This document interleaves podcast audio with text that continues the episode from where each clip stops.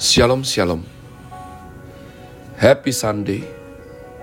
Selamat hari Minggu 9 Oktober 2022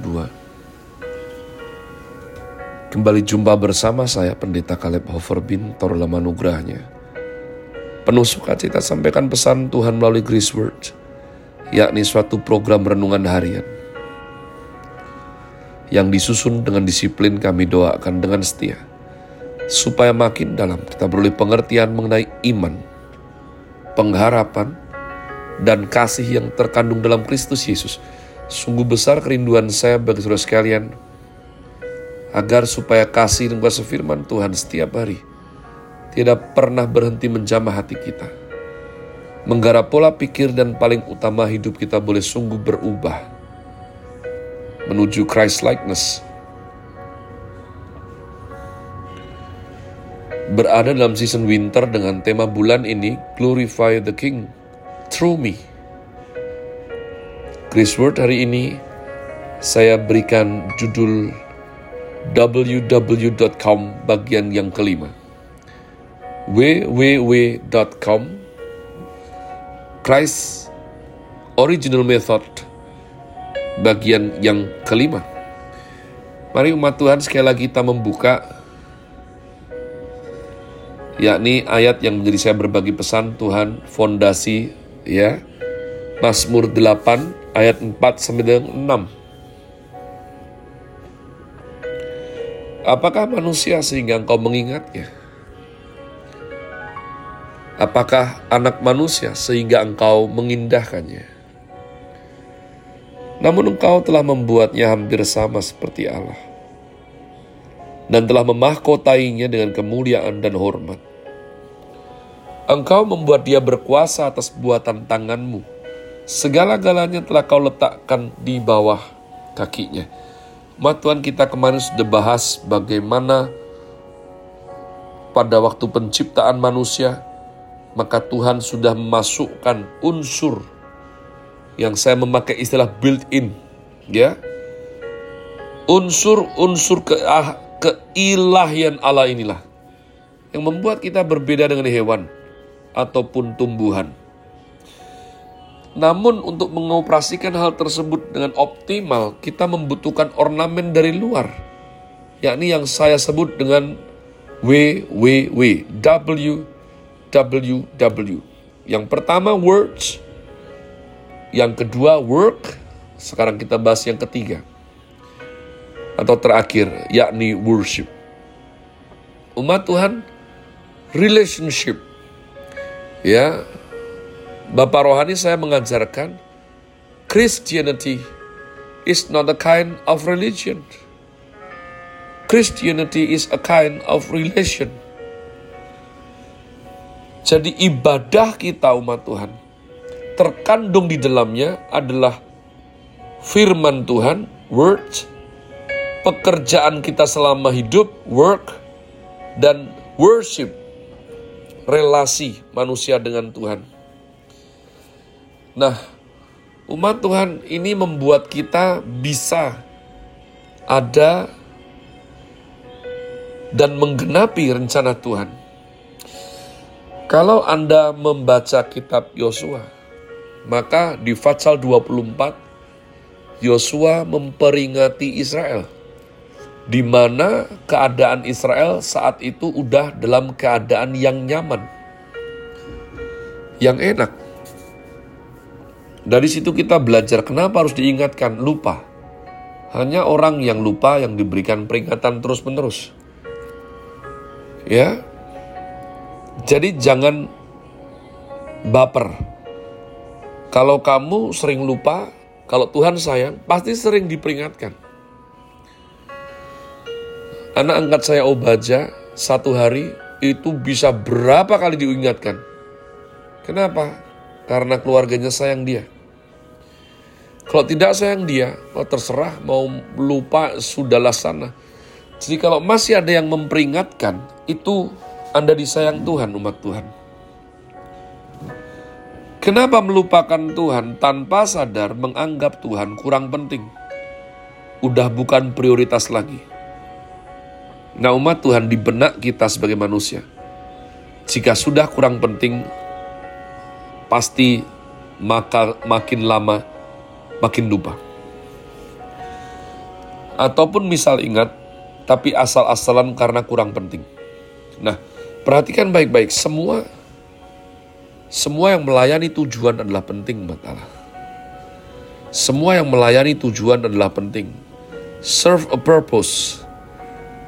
Bahkan itu termasuk masalah problematika. Artinya cast to the goal, ya. Dilemparkan ke tujuan.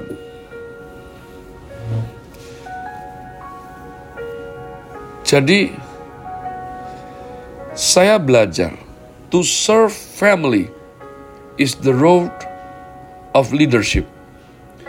To serve people is the road of warrior.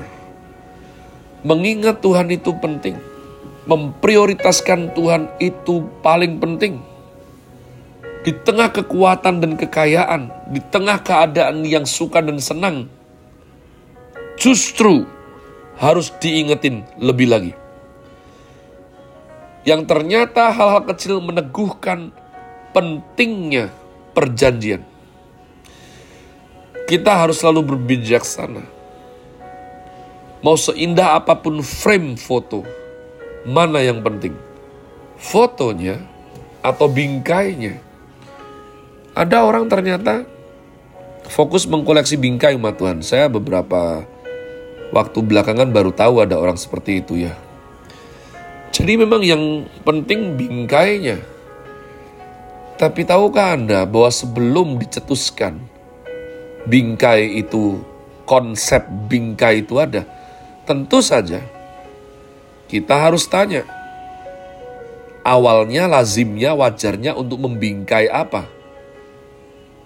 Jadi destiny kenapa lahirnya konsep bingkai? Karena ada yang harus dibingkai. Gitu aja kok repot. Ya, kenapa lahir konsep bingkai?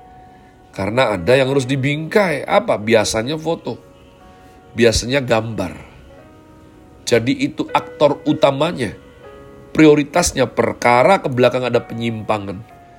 Nah, terserah saya nggak simpan foto, nggak mau untuk gambar, saya cuma suka bingkai. Ayo gimana lagi? Dua, kenapa harus diperingatkan? Worship, awareness, relasi dengan Tuhan. Adanya berhala.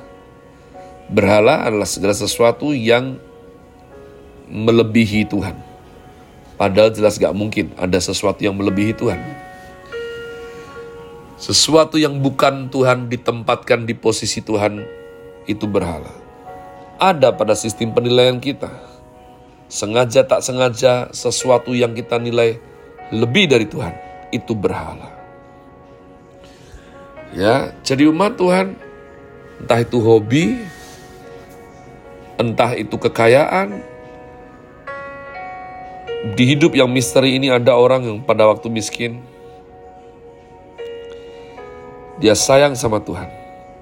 Di waktu kuaya dia lupa sama Tuhan. Tapi ada orang juga di waktu miskin marah sama Tuhan. Di waktu kaya sayang dan penuh syukur sama Tuhan juga ada. Yang mana umat Tuhan? Jadi inilah pentingnya worship, ada relasi. Ya. Dan yang terakhir setelah daripada jangan melupakan Tuhan, waspadai berhala. Yang ketiga, melayani yang bukan Tuhan. Serve another God.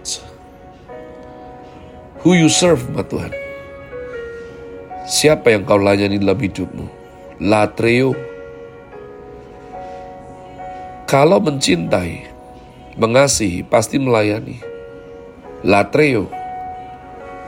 Mau nggak mau harus melayani, bukan perasaan kita yang penting tapi adalah merupakan sesuatu buah dan otomatis. Melayani adalah ciri kita dalam Tuhan.